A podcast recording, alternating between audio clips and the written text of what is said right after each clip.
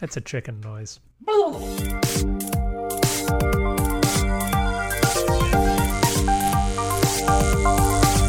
I'm not a crook.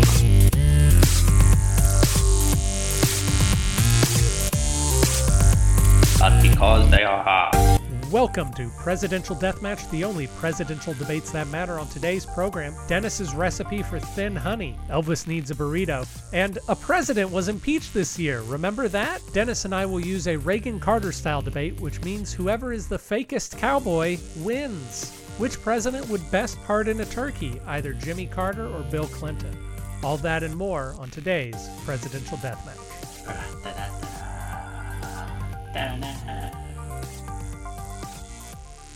Uh, cocktail culture was dead in the 90s film culture television culture music.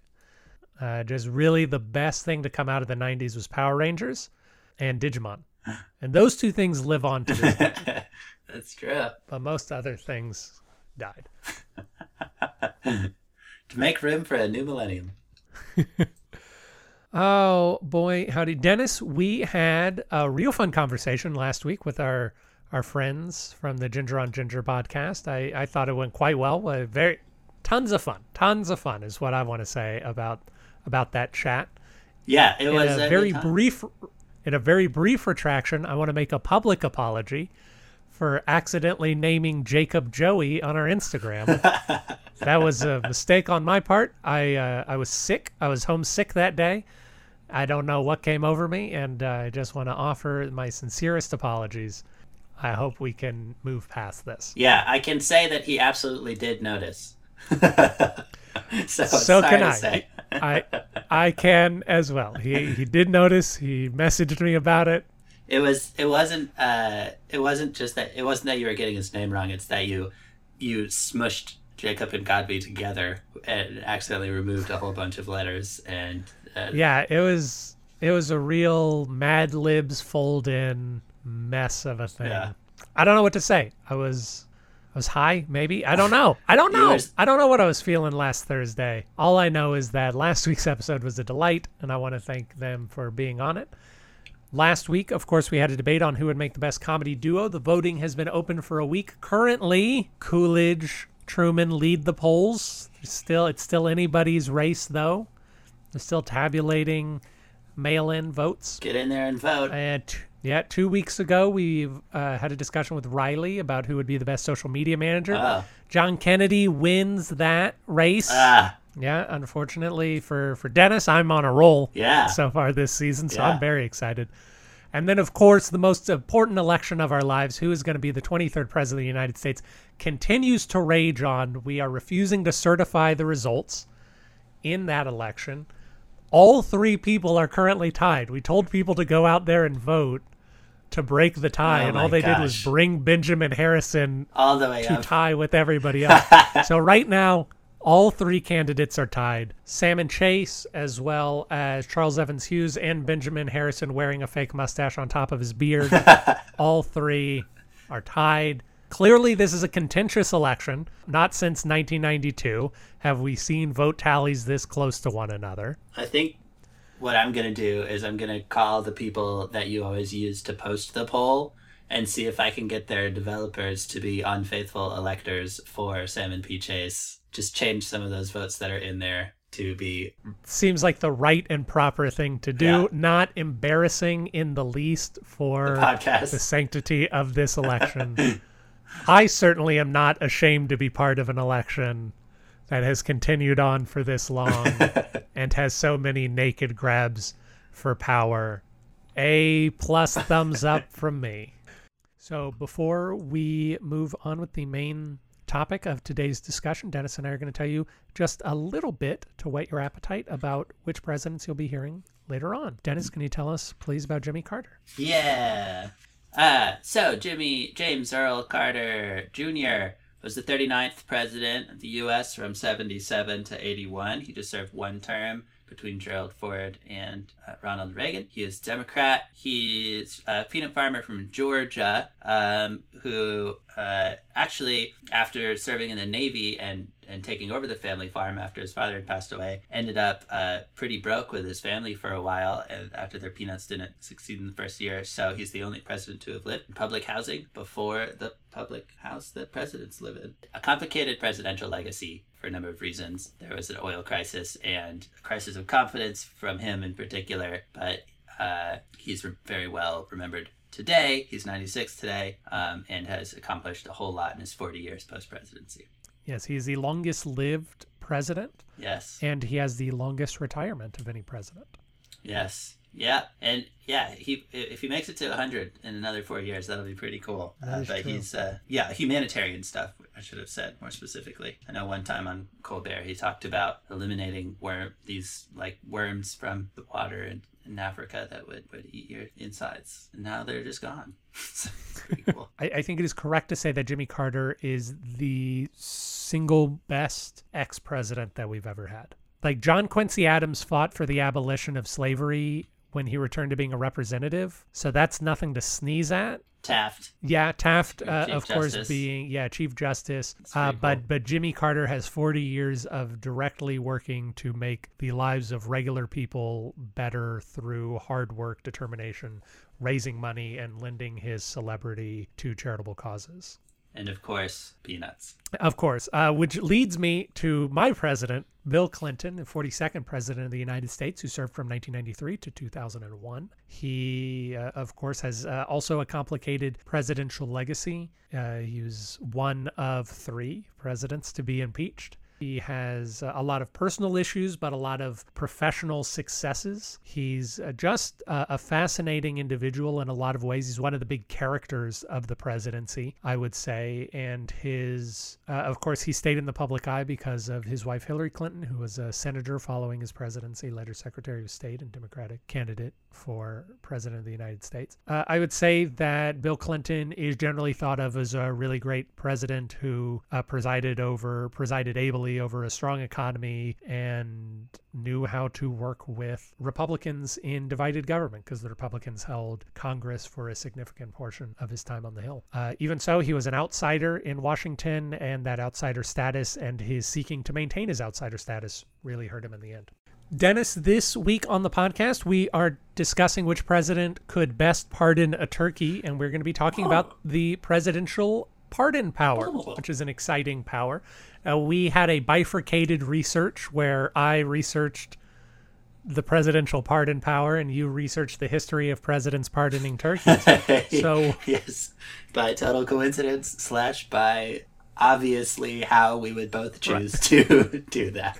spend our time indeed so uh, of course it has become a tradition for the president of the united states to ceremonially that's not how you say that word but i'm going to move on pardon a turkey and allow that turkey to live out the rest of its life on a farm could you tell us the history of this quixotic american tradition I'll tell you what I know.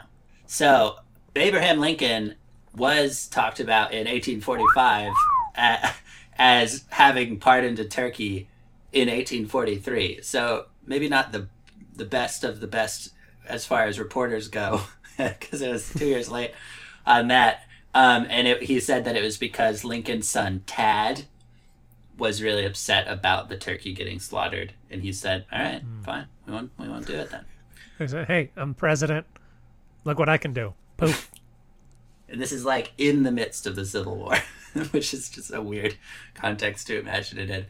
Um, but that's kind of a false alarm. So, but so kind of that aside, the 1870s, this guy named uh, Horace Vose, uh, he he's just a brilliant marketer, turkey farmer from Rhode Island. Realizes if I just start sending a turkey to the president every year, everyone's going to talk about it, and then I'm going to be the most famous turkey farmer. So he just started doing it. He keeps doing that every year until 1913. So for like a really long time, and so it kind of became a thing to send turkeys. There, he made a precedent for people sending turkeys to the president, but pardoning turkeys wasn't really part of part of the whole situation at that point. But then Harry S. Truman uh, was really pushing for poultryless Thursdays when he was president. I guess it's kind of like part of a post-war like you know, dealing with different Rationing. rationing and stuff like that. So that it happened to be, I think it was 1947, happened to be the case that Thanksgiving was on a Thursday, which is common, but also Christmas and New Year's fell on a Thursday that year. So the poultry industry was like, what the hell? So it became a thing to send chickens and other birds to Truman in protest. So they were called Harry's hens. And so then that Thanksgiving, he was sent multiple turkeys. Um, and it kind Just of really quick, can we uh, imagine the sort of person that Harry Truman is, just being deluged with chickens and turkeys and things, he, presumably sardonically making quips at each one as they come in? I'll name this one Andrew Johnson because it's stupid looking. Yeah. I'll name this one Zachary Taylor because it's bad at being a turkey. that kind of made it a thing to send turkeys to the president again, I guess. And then, like, so it was still a thing. And then Kennedy at one point, like, says, oh, this turkey was going to go grow some more and doesn't take it. And then Jimmy Carter, like, always, his, like, first lady always sends the turkeys to a petting zoo. They never actually, like, take them. Uh, so during his time, it becomes like, oh, this is just what the president does, kind of. And then Reagan was like, oh, I'll turn this into a thing. And he makes a joke about pardoning the turkey. Everyone laughs. He deflects a bunch of uh, negative press that people were trying to throw at him. Uh, so, so he kind of being who he was turned it into a real thing by making it like funny and making it a thing to talk about, even though it was kind of happening before that. Um, and then it really took hold as a tradition with H.W. Bush.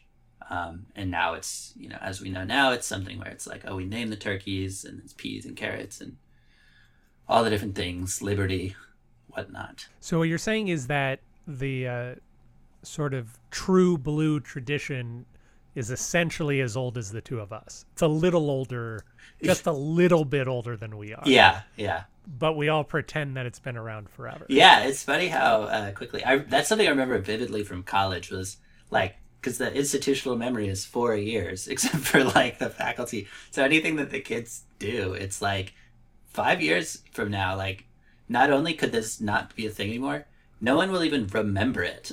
like, so like it won't even. Be It's something- either going to be dead and buried or it's going to have been happening forever. Yeah, yeah, yeah. And as someone who began many things that are dead and buried at my alma mater, fame's fleeting, y'all. Fame Don't worry too much about it. Yes, de- definitely. Uh, some big big wins and big losses, in, from trying to make a footprint that didn't fade into the Yeah, it wasn't preserved in amber by a flash yeah, flood. Exactly. Thank you for completing my questionable metaphor. That's what I'm here for.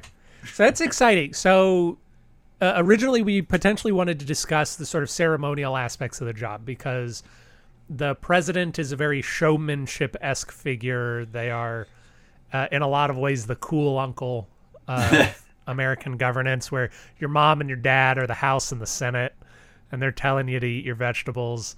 And the president comes in and says, "Here's a magic trick, free amnesty for everybody." and we wanted to talk about uh, a lot of the showmanship things, but then we got really focused on the idea of presidential pardons themselves, which I have researched a little bit. And presidential pardoning is a, an interesting aspect of the presidency. Can I ask you, Dennis, have you ever thought much about presidential pardons? Not much before this week. No, before really before today, the day that I chose to prepare for this. Right. well, so listeners of the podcast know I have feelings about Woodrow Wilson. uh, Woodrow Wilson, um, essentially anybody who is president, beginning with George Washington and absolutely continuing on through our current iteration with Donald Trump, seeks to expand to the powers of the presidency Yeah, that's one of a the fairly major way. That of this. yeah, they keep trying to grab more and more power for themselves. And so a lot of the things that we expect presidents to do aren't really in the Constitution, uh, up to and including executive orders.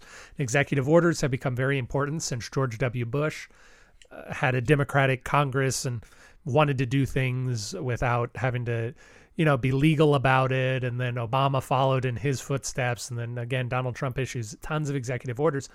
The pardon power is something that is in the Constitution. It's one of the few things that the Constitution says the president can unilaterally do. The president is permitted to give full and complete pardons on his own without any influence from anybody except in cases of impeachment.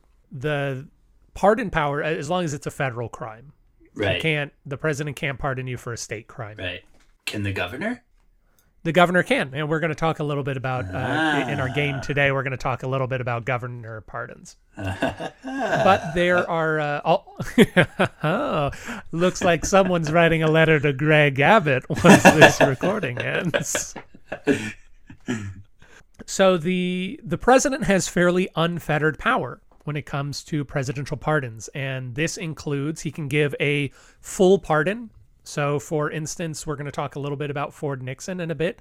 Gerald Ford gave Nixon an unconditional pardon for anything that he has done, and that means that not only can uh, the federal government not punish this person any longer for this crime, any civil liberties removed from a person because they've been convicted of a crime are now restored. And in fact, that's the primary reason you would pardon someone is to restore those those liberties. Uh, but uh, a president can not only pardon someone, a, a president can also commute a sentence, which is to say, I believe that's what Obama did with Chelsea Manning, uh, or at least the first thing that Obama did with Chelsea Manning. And so commuting a sentence means that you are not pardoned, your civil liberties are not restored, Right. but you no longer have to serve any time for it or like less. uh, if you had yes or less. So so you can restrict the the time that's been given as punishment. Similarly you can reduce a fine. So you could uh, completely remove a fine while leaving in the prison time sentence if you wanted or vice versa. Completely uh, commute the jail time while leaving a fine intact. You can also uh, choose to give um, remittance of fine. If someone is paid a fine, you can say you paid this fine uh, improperly. It was improper for us to levy this fine against you, so you can have this money back, which is a pretty interesting. And perhaps most interesting of all, a president can put conditions on the pardon. oh, yeah, interesting. So, in a particular case, Hoffa versus Saxbe in 1974, Jimmy Hoffa, you may know the name Jimmy Hoffa, famed no, No, I do not. Uh, in the in the uh, he's a guy who is mostly famous for having gone completely missing, and people think the mob killed him and hid his body. oh, dang. Yeah, but he was a union leader uh, who was convicted of things that I'm not entirely certain of. Richard Nixon gave him a pardon on the condition that he never hold union leadership again, that he could not hold a union leadership position again, but he could otherwise be pardoned for everything. And then he brought a suit that said this was a violation of his First Amendment rights. And the courts found that no, the pardon power can be conditional. You can say you are granted a pardon as long as You this apologize. And if I don't hear the words, I am sorry, come out of your mouth and believe you- We are sending you sending you straight back. And it's interesting that you bring that up, uh, Dennis. I imagine you have never heard of the case Burdick versus United States. I think I did see it. So I did read a little bit, and I think I did see that one. Do you remember anything about it? Do you want to tell the people about Burdick versus United States? I think it was it was chapter two in the basically like the expanding of the or not ex, yeah a little bit I guess expanding of the powers or no not sorry not expanding just a person can say no thank you to a pardon so that's United States versus Wilson. right that's what I'm thinking with Andrew Jackson well, that Yeah, was crazy Yeah, you, you are correct. Burdick versus uh, United States is chapter two in the Wilson versus United States saga. yeah So, so you're correct. You've got the details right. You've got Wilson versus United States, and the president is Andrew Johnson. Jackson. Jackson. Andrew Jackson. Yeah. So tell the people about and that. he he like was was gonna be hanged for stealing like for robbing a guy for, at a bank or something uh with his friend Mail. oh yeah stealing mail bad Big crime back in the day. bad bad bad God. Bad man. Tisk, tisk, tisk. and he uh and his friend got hanged and then he was gonna get hanged and andrew jackson pardoned him because someone because he had connections and uh the guy said no and it I'd see. I couldn't find out. I don't know if you figured out why, but that's because then he got No. hanged. Yeah, yeah, it was fairly surprising. There, it is. It is possible that we're going to talk about um, a few other reasons people have denied pardons uh, a little bit later in this conversation, but it is possible that Wilson denied it based on those bases. But you're right; the articles that we found are very unclear. Where it just says Wilson was going to be hanged, but he had friends who talked to Jackson, so Jackson gave him a pardon, and then he said nah, and then he got hanged so weird. or hung. so that that is the United States versus Wilson. Specifically, I believe the language used by the court was that a pardon is a delivery. It is a package delivery, a message delivery, and it is not completed until a person acknowledges receipt Ah, yeah. of the pardon. And so they were saying a pardon is not complete unless a person receives a pardon or acknowledges that they received the pardon and that they accept it. Burdick versus United States is a really fascinating, uh, as you as you called it, chapter two of this. Uh, and this is a really crazy court case. I don't know how much you read about it or not. Not too much. Okay, so are you familiar with the Fifth Amendment of the United States? Fifth the Amendment. Fifth Amendment to the Constitution. Right to bear arms. Uh, that would be the Second Amendment. Oh, duh. So the fifth the Fifth Amendment means that we have the right to not self-incriminate ourselves. We do not. Uh, we will never be obligated Oh. to say that we committed a crime.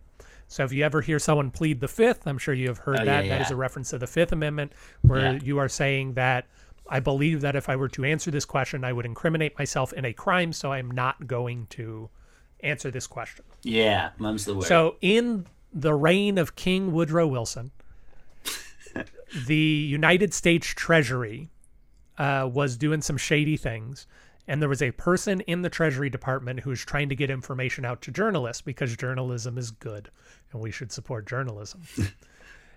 and so, the United States government could not figure out who was leaking the information, but they knew who was publishing the information, which was this man named Burdick.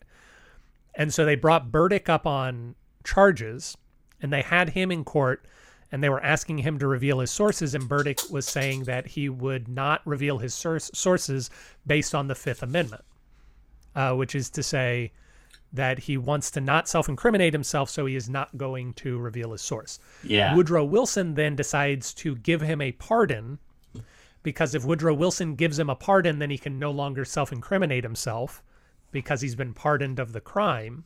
And therefore, he could be forced uh, under oath to s- reveal who his sources are. And Burdick Uh, says that he will not do this, that, that he will not accept the pardon, and therefore he maintains his ability to plead the fifth under his right to not self incriminate himself, which is a pretty fascinating series of legal maneuvers from everybody involved. yes. That's yeah.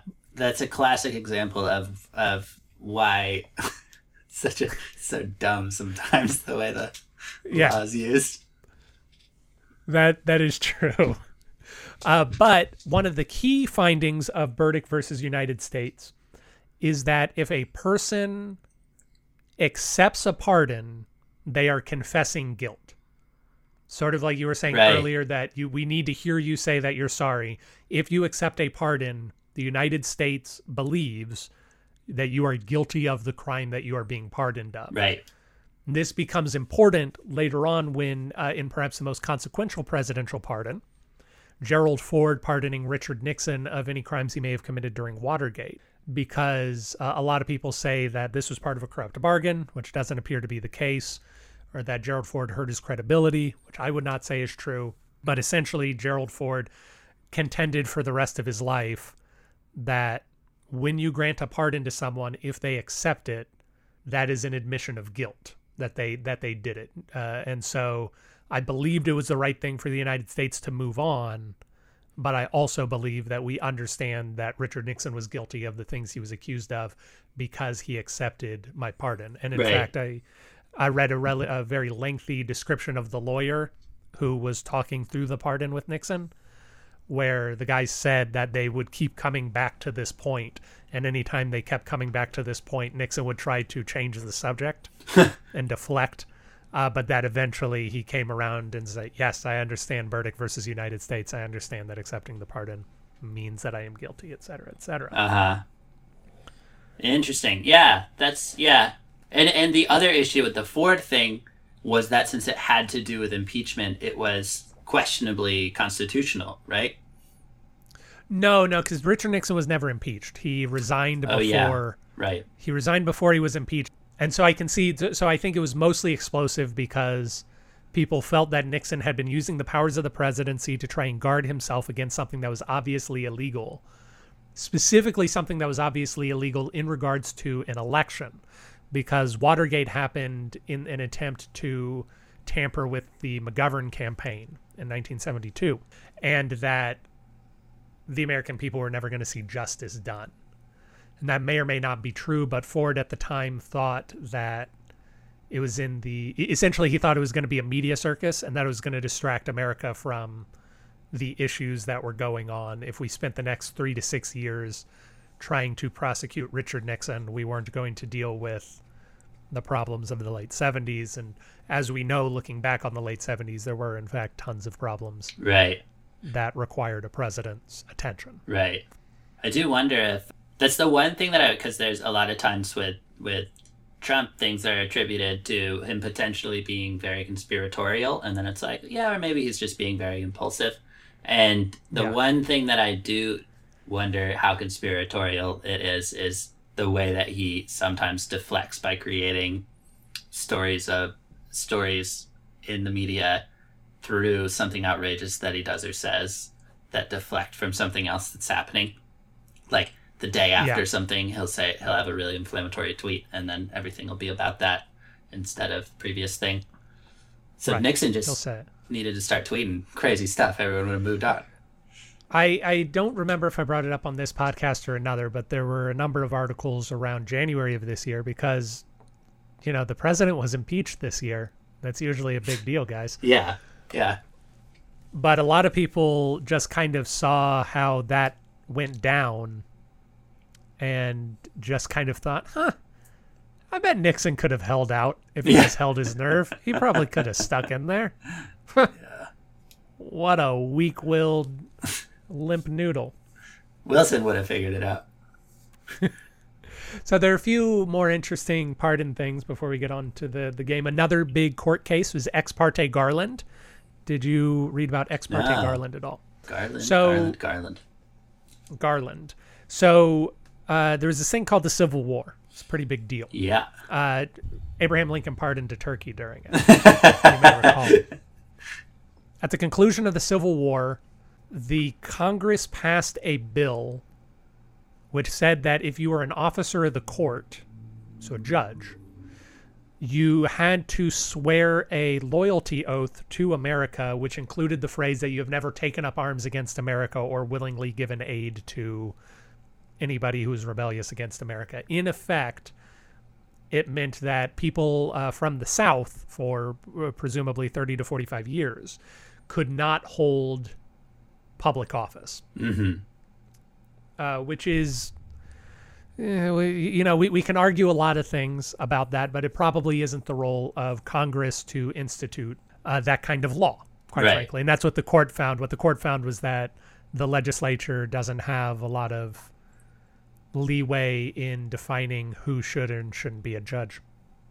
Um, but ex parte Garland was Andrew Johnson gave President Andrew Johnson gave a preemptive pardon to uh, a man named Garland who fought for the Confederacy in the Civil War, and he was going to become a judge, and they tried to block him based on this loyalty oath, and the guy essentially argued that uh, this is an ex post facto law, which is to say, the law wasn't around when I was a Confederate. I had no idea that becoming a Confederate could bar me from holding office in the United States of America. So, but it's an ex You guys post could have facto law. avoided this whole thing if you just made this law.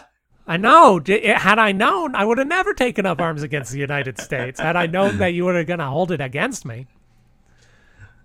Uh, so, so they claim it's an ex post facto law. An ex post facto law meaning that it's a law.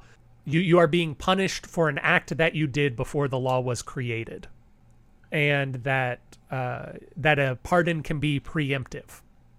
which is to say you can give a pardon at any time after the commission of the crime one presumes. But it it can be before charges are brought against you. It can be as we saw with um, i believe paul manafort uh, or roger stone i forget which one lately in trump's orbit he like we we had a trial.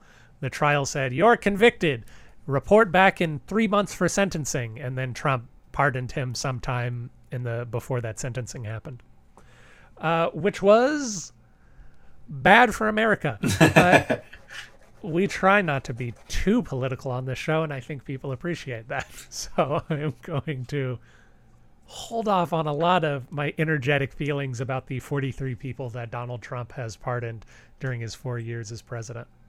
43? 43 approximately, yeah. Interesting. I thought looking at the looking through the list of presidents and stuff, it's often like 500 or like so. It is. It is often like 500, and yet Donald Trump, 43. Wow, Yeah. that's so crazy. That's like yeah, that's wild. I, that must be the lowest of all time. No, no, we'll talk about that later on. There are two presidents who have who didn't pardon anybody. I'm sure you can guess who one of them is.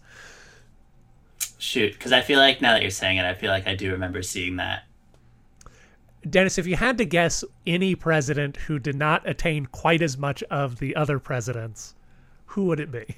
Who didn't? Oh, oh William Henry Harrison. William Henry Harrison certainly did not pardon anybody. Um, and there's one other president, and we'll talk about that president later on. Uh, and I believe that someone like John Adams only pardoned 23 people, but we've seen a an acceleration of pardons as communication has gotten better and as we've uh, grown more aware of the inequities of the justice system, And as I well as the war on drugs. There are Yeah. a lot of fascinating things that have accelerated the cause of, yeah. of pardon powers for presidents. Uh, and Yeah. I guess also uh, they used to have to. I remember seeing that they were just handwritten notes, like a like a doctor's note Yeah. for the, for the longest time. So I, I remember there was a discussion in 2017 as to whether Trump could pardon someone via tweet. and I believe the answer was yes, whoa, that that That's you could because it is it is considered an official form of White House communication. Like it is legally a form of White House communication. It is a way to receive orders from the president is through a tweet because we know it is him. And so that if he declared a pardon, it would count as a pardon, or at the very least, I think you could print out the tweet on a piece of paper and have him sign the tweet, and then it would be right. uh, legally a pardon. Said I pardon everyone. So, Dennis, most of the time, we, we have a little game today. Most of the time, when you are given a pardon, it is a relatively symbolic gesture that is meant to restore honor to a person. It's to say that we have wronged you or you have suffered enough for whatever crime, and we are going to officially, even though we recognize that the crime was committed, that the crime was maybe or maybe not bad, we are going to restore your honor, we're going to restore your civil liberties very rarely, or relatively rarely, there are posthumous pardons given. And a posthumous pardon, of course, is a very symbolic gesture because the person for whom will receive the pardon uh, cannot have any satisfaction. And so it is a posthumous pardon really is for the living. It is to indicate that either we very much feel like this person was robbed of something or there is an extenuating circumstance and we want to pardon right. There are four cases i want to say four cases maybe five cases of presidents posthumously pardoning a person.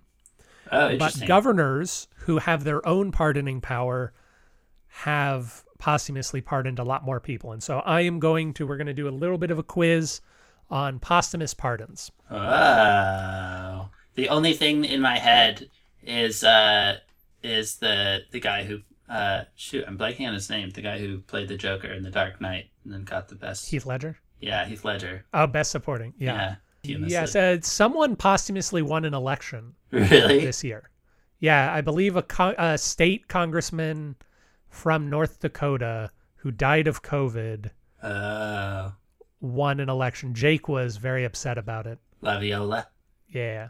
So, before we get into it, I want to say that we are going to be looking at a relative small number of posthumous pardons that have been granted in the history of the United States.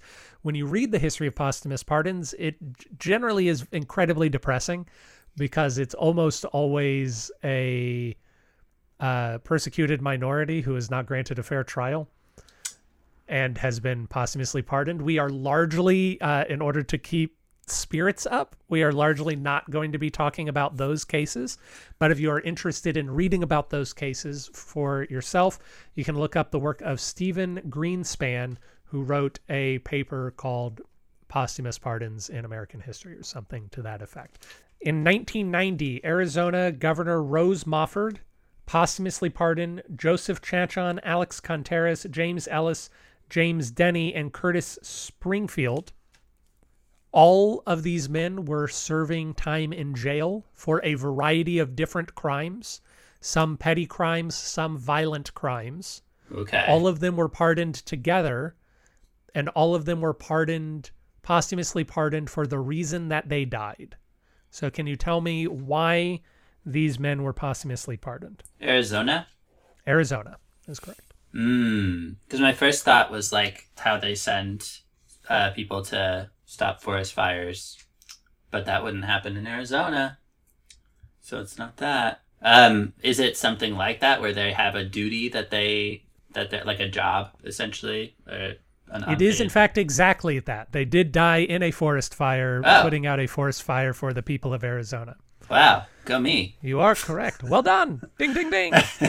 Uh, that's so sad. Uh, it is sad, but uh, as as Governor Mofford said, they died protecting the people of Arizona, and for that reason, they should have their honor restored. indeed. In Illinois, Governor John Altgeld pardoned Albert Parsons, August Spies, Adolf Fischer, George Engel for the Haymarket Square riot. What were these men protesting for? This would be in the mid to late 1800s, the Haymarket Square riot. They were convicted of uh, inciting a riot, Interesting. and they were uh, killed or lived out their lives in prison. Where'd you say it was? For Illinois, Illinois. Illinois. For what were these men protesting? Silver. Silver. Fairly close. They were protesting an eight-hour workday. They wanted to institute an official eight-hour workday. Were accused of inciting a riot. Later posthumously pardoned. How'd they find the time? Your guess is as good as mine. They're probably a bunch of no good layabouts. All right, Dennis, our final, final posthumous question. In the year 2020, do you remember who the president was in 2020? No. Okay. I've erased it from my mind. In 2020, President Donald Trump pardoned someone on the 100th anniversary of the 19th Amendment being passed, the 19th Amendment to the U.S. Constitution. Whom did he posthumously pardon? For what was this person convicted? And what became of the pardon? I feel as though I remember this. Is it Susan B. Anthony? It is Susan B. Anthony. That is Yeah. correct. Susan B. Anthony was posthumously pardoned by Trump. For what was she convicted? Probably something similar to inciting a riot or protesting. Uh, a little less extreme than that. Something that's uh, Trump is very concerned about these days. Oh, like uh, libel or or uh, Even closer to home. uh, cursing in the streets or or like uh, something. No, no. A couple of weeks ago, something happened. A couple of weeks ago, everyone in the nation did something. Uh, vote uh, for voting. Voting. Susan B. Anthony was convicted of illegally voting I should have gotten that one quickly. yeah. uh, because she was a woman. And women at the time were not always permitted to vote, although it depends on the municipality you were in. What became of the pardon that Donald Trump issued? Well, he certainly got a lot of negative press because what else was going to happen? I feel like I remember it potentially being negative because the whole point was that it was illegal. So it was almost like erasing a little bit of the intention of that action. in in a sense the pardon was rejected by the person who is in charge of the Susan B. Anthony estate on the grounds that uh, accepting the pardon, much like we discussed uh, earlier, accepting the pardon would have indicated that Susan B. Anthony should not have been permitted to vote, and that Yeah. if you accepted the pardon, uh, you believed that she was justly prevented from voting or unjustly voted. And the Right. argument was that no, Susan B. Anthony should have been permitted to vote. It was a miscarriage of justice that she wasn't, and therefore Susan B. Anthony intentionally did not pay the fine, and the estate would not accept the pardon. Uh, which Yeah. great diss to to DJT. Yes, yeah, uh, it is, and it makes a lot of sense. Yeah, it's almost the opposite of what I said, kind of. And also living in the legacy of it's chapter three of our um, Wilson v. U.S. and then uh, Burdick. Burdick versus U.S. Burdick. Burdick. A state of Susie Oh. B. Susie B. All right. Well, that does it for our very brief discussion on the presidential pardon power. When we come back, Dennis and I will discuss who can best pardon a turkey. And we're back. I might sneeze sometime in the next 10 seconds, but if I don't, we are going to begin a debate over which president would be the best person to pardon a turkey. Dennis is chosen, Jimmy Carter Jr. and I have chosen uh, Bill Clinton, also kind of a junior. Ah, I believe he was a junior of uh, when he was uh, born William Forsyth. I think he was a Ah. fourth, and then he changed his name, or his mom changed his name when he got adopted. he was William Forsyth. I, I believe he was. I, I will double check, but yeah, I believe he was William Jefferson Forsyth. And he passed that up. He could have spelled his name William and then just four, the Roman numeral four and then a little scythe. Oh, yeah, Blythe. Right. William Jefferson Blythe the Third is what he was born as. Uh, still, he could, he could have done either BL Roman numeral three T H E or B L I T H I R D. Both Yeah. been pretty nice. Was all of us have different reasons for being disappointed in Bill Clinton. Dennis just found his, and it began when Bill Clinton was four years old. But Dennis, you will tell us why Jimmy Carter is our man. Okay. Um, so Jimmy Carter, as a turkey pardoner, just in a very literal sense, he really was the first guy to, uh, his, him and, and First Lady sent their turkeys to a petting zoo every year, and that and that was the habit that really started the pardoning of the turkeys. Even though he didn't lean into the the marketing angle of it or the uh, the the good press angle, uh, that didn't come till later. But I think that just shows that his motivations were really quite true in pardoning the turkeys for uh, reasons of actual kindness. And it's similar with the pardons that he did in his time. Uh, I think if, if anything, you could say that he was uh, likely to pardon people that you would think maybe you wouldn't have pardoned yourself. You know, he was a very religious person. Forgiveness was probably very center central to his Baptist upbringing. So on his second day in office, he pardoned 200,000 people for dodging drafts uh, in Viet- Vietnam War. So that that put him put him up towards the top of a number of pardons one one does, though that was a little different because that was that was a it was it was a an actual article um, situation. And then he also pardoned Jefferson Davis, which is an interesting one as well. That I think you would think a lot of people wouldn't have chosen to do, but he wanted to put that story behind us, um, which was you know certainly today a really interesting thing to think about. Another angle. Lastly, I do think he showed some judgment with pardoning.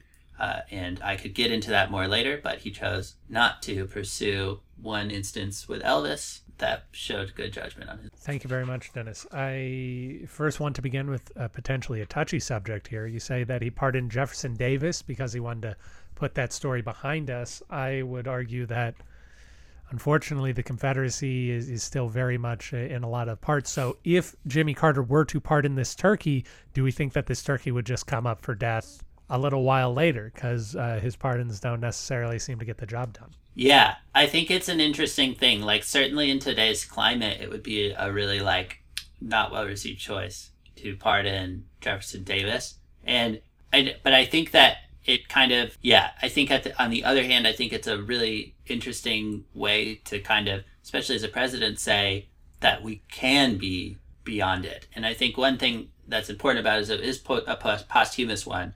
So it's not an act of pardoning some active person that's trying to, in the moment, you know, has just committed crimes like this that represent a lot of uh, ill thoughts. Instead, it was someone from that represents a history of a totally divided country. Much like you were talking about with Ford and Nixon, he pardoned him to say, yeah, he was guilty of that, but that doesn't have to be how we define the America that we're talking about today. And of course, it still is to a degree, but let's start taking every step we can to get somewhere else. And I don't support that being uh, a divide that the country is defined by. Great answer to a jokey question. Similar with Uh, Dennis, would you like to expand more? You said that Jimmy Carter exercised a lot of restraint or consideration in his pardoning. Would you like to expand on that thought at all?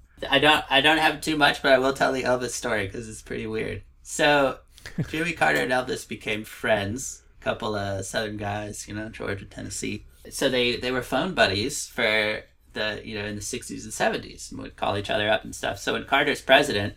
Uh, in 1977, June of 1977, he gets a call from Elvis, and El- Elvis's like best friend since eighth grade has just been indicted for actually I think messing with the mail and stuff like we were talking about earlier. It's weird.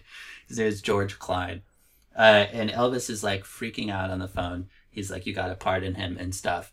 And Carter's like, "Well, he hasn't been convicted of anything. Also, you sound like you're super high. Why don't you go eat a burrito?" And he was like, "Yeah." Elvis was like, "Yeah, I'm on a bunch of barbiturates and stuff." And Carter was like, "You know what? Like, why don't you get your act together?" and uh, check back in with you later. But like, I'm not gonna talk to you for a while because it seems like you're in a bad place and your friend is in a situation that I shouldn't be involved with. So he just said, leave it alone. Elvis kept calling a bunch, and Jimmy Carter didn't talk to him. And then, a matter of days later, Elvis ends up passing away. So pretty crazy. And uh, after everything, George Klein ended up serving 90 days in prison. So it wasn't a big deal. Well, I I mean, I think that that both these are fine. It, it's hard, I think, to formulate answers about how one can best uh, pardon a turkey. I know I'm going to lean on a particular thing in in my argument, so I'm just going to, I guess, say how how does pardoning this turkey make the American people feel? Because a lot of times, I think that Carter gets kind of this reputation for uh, making people feel less than or condescended to. So does does the pardon of the turkey is it a a, a celebration for the people or is it uh, some condemnation for the excesses of America? Mm. Yeah, that's an interesting one because I agree that I think my understanding of Carter is that he brand you know really wasn't his thing to the degree that like um it like it even in times when he just had to be a leader and say things for that and that was the success even those times didn't go great. And but then in his time since being president everything where he hasn't had to be that figure uh, he's become this very appreciated person because the actual actions he takes have made a really positive impact. I think that he would pardon the right turkey but he wouldn't make a big show of it just like actually did happen with all the turkeys he pardoned I think another interesting thing to identify with it is that he kind of like probably owes his presidency to a pardoning because Ford pardoned Nixon at the end of his presidency and it made him look so bad that even though Carter really doesn't seem like was someone who in campaigning was super super beloved like you said maybe came off condescending and everything but still could win against Ford in that situation because of how negative Ford's legacy had become. But then Reagan comes along 4 years later and just you know is everything that he's not in that way and just you know completely uh, destroys him. So carter kind of had this like fortunate window there uh, to become president. And uh, and i think you know in doing that and then on second day pardoning draft dodgers i think that's kind of how i would think of him with this turkey where it's like oh like while he has the chance he's finding the right turkeys he's pardoning them maybe even more turkeys than we would in the moment think need to be pardoned. But then in retrospect, we're like, well, how harmful is overzealous forgiveness? Well, I perhaps overzealous forgiveness is something we need more of in the weeks ahead. But for the time being, I am going to talk about Billiam Clinton. Now, I think that Bill Clinton is the right choice and the only right choice to pardon this turkey for a number of indisputable facts. Number one, William Clinton was a pardoning machine. He is a man who quite literally was pardoning people two to five minutes before he no longer was president. During George W. Bush's inauguration, Clinton was signing pardons during the inauguration in his final moments as president. Half of the people that Bill Clinton pardoned, he pardoned on his final day in office. And do we do we need to worry about who he was pardoning or why he was pardoning them? Only if I'm asked a follow-up question about it. But I think we just need to understand that the man had forgiveness in his heart for a lot of people and he had to quickly pardon 160 or so people leading up until noon on January 20th, 2001. Secondly, and I think that the, the pardoning of a turkey, how many crimes against America can this turkey really commit? Turkey's not going to be messing with our mail, which is apparently a very big deal in American history. We really, we've only scratched the surface of mail fraud. Turkey's probably not going to be plotting to overthrow the government at all. This, this is a show pardon in a lot of ways. And I don't think anyone puts on a political show the way that Bill Clinton puts on a political show. I think he's not only going to make this turkey feel like a million bucks as he's pardoning the turkey, he's going to make America feel just on fire for being part of a country that could find it in its the the room in its heart to pardon the turkey. And I think that's why Bill Clinton is the only choice for pardoning this turkey.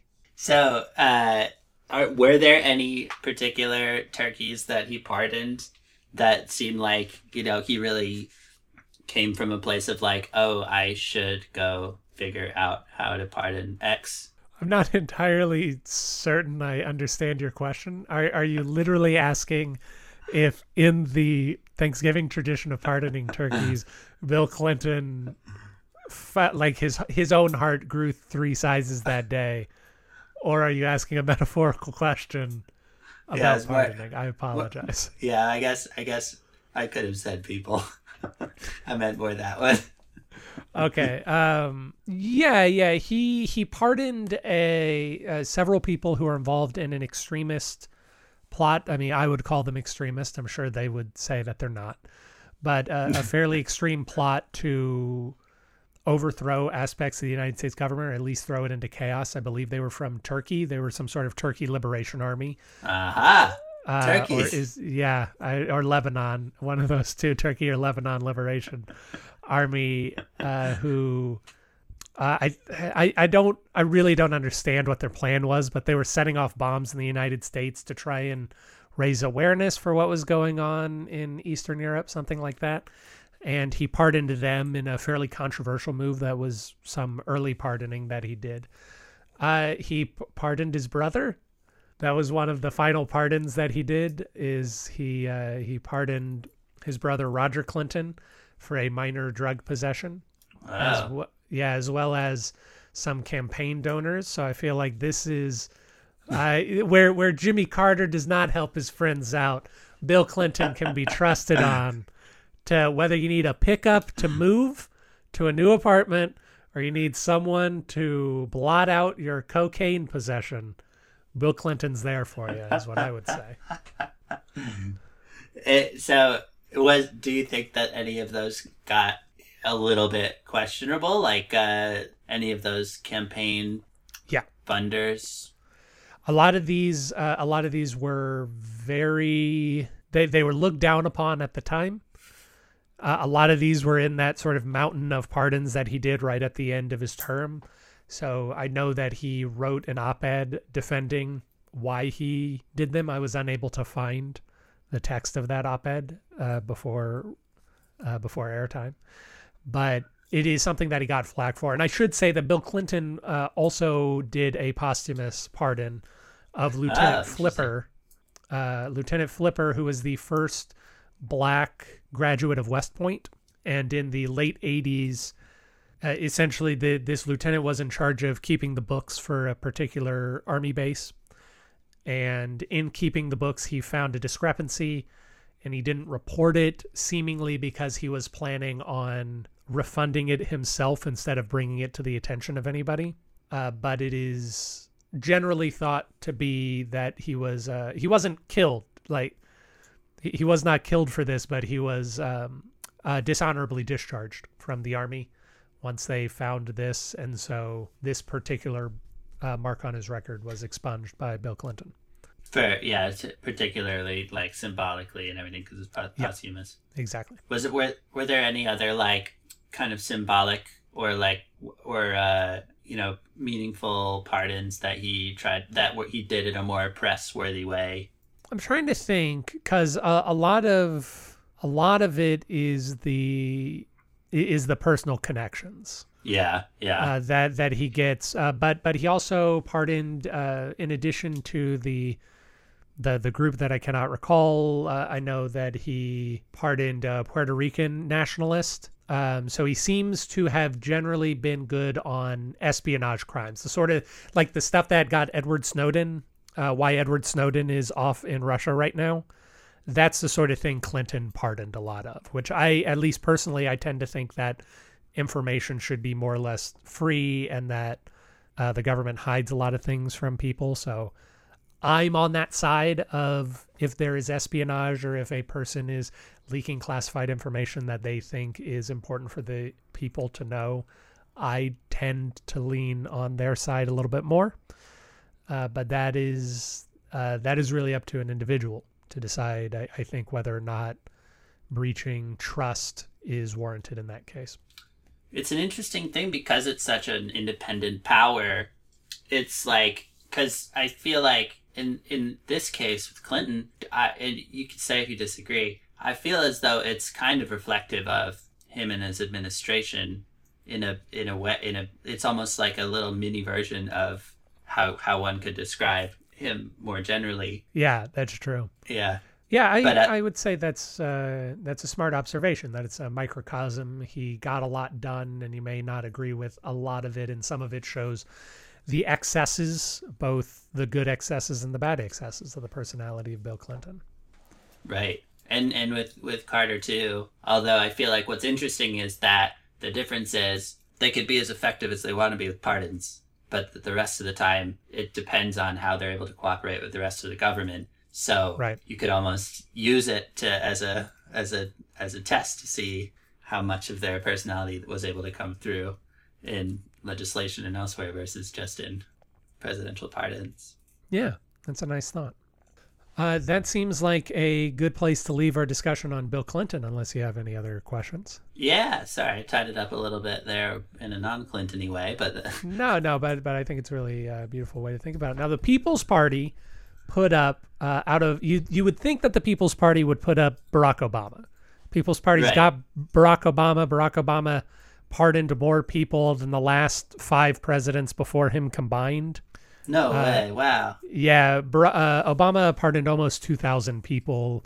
He made it known that he wanted to uh, commute a lot of drug sentences. And so he used the power to commute just a ton, a ton, a ton of drug sentences.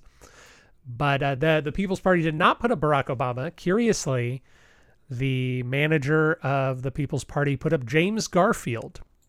James Garfield. James Garfield. And James Garfield shares with William Henry Harrison the distinction of never having used the presidential pardon power. He never. He's the other one who never pardoned anybody. Yeah, James Garfield. That is why I was very excited when the uh, when the random name generator shot out Garfield's name. But yes, oh my uh, gosh. Garfield is the other president. Of course, he was assassinated about a year and a half into his term or so. Garfield uh, did not use the presidential power pardon in any way, and so I don't think that we have a whole lot of basis to discuss uh, to discuss how he would pardon these turkeys. Presumably, he got a turkey uh, from our Rhode Island turkey man. Yeah, so I was just about to say it's uh, firmly in the Rhode Island turkey window there, the 1880. Yeah. In fact, uh, he might have been the first because James Garfield was elected in the election of 1880. So it depends on Yeah. whether the Rhode Island man sent a turkey to outgoing President Rutherford B. Hayes or if he started in 1881 with James Garfield.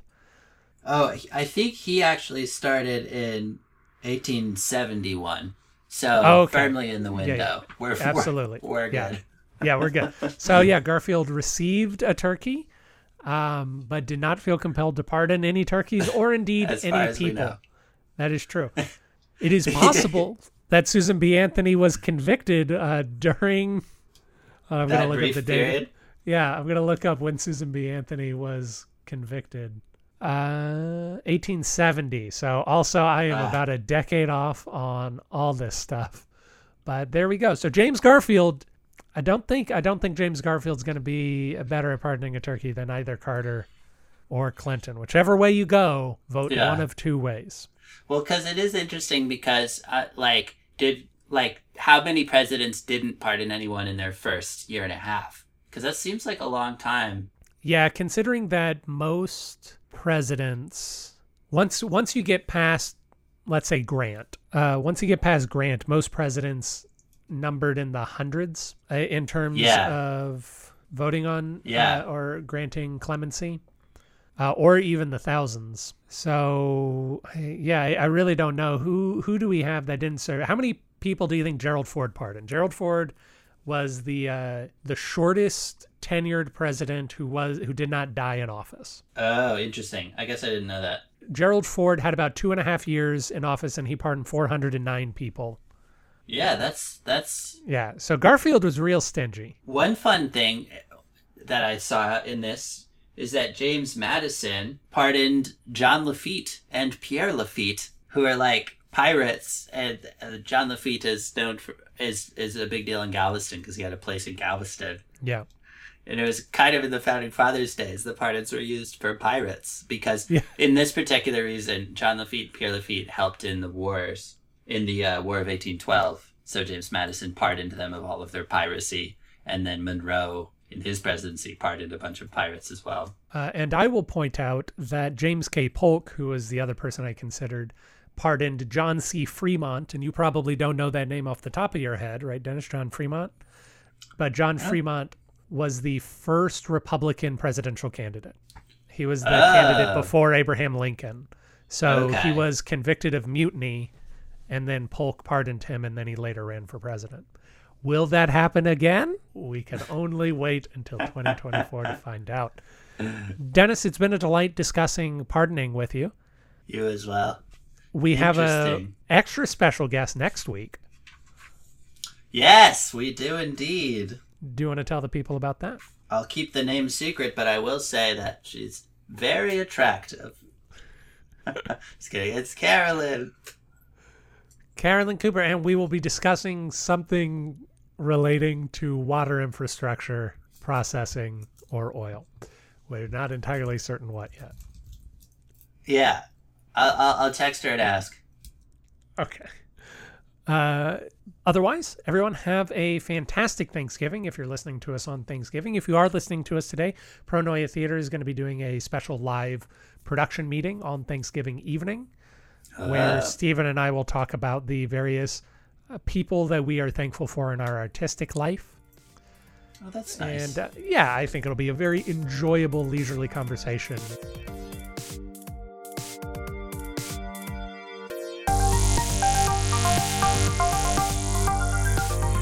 Thank you for listening to Presidential Deathmatch. Presidential Deathmatch is a production of Pronoia Theater. You can find more out about us at pronoiatheater.com. This program was edited by Aaron Garrett with music by Dennis Buddy and hosted by those same two lovable goofballs. You can always email us at contact at pronoiatheater.com. If you enjoyed the program, we ask that you rate and review wherever it is you found us. It really helps us out. And if you didn't like the program, why don't you stick around? We really grow on you.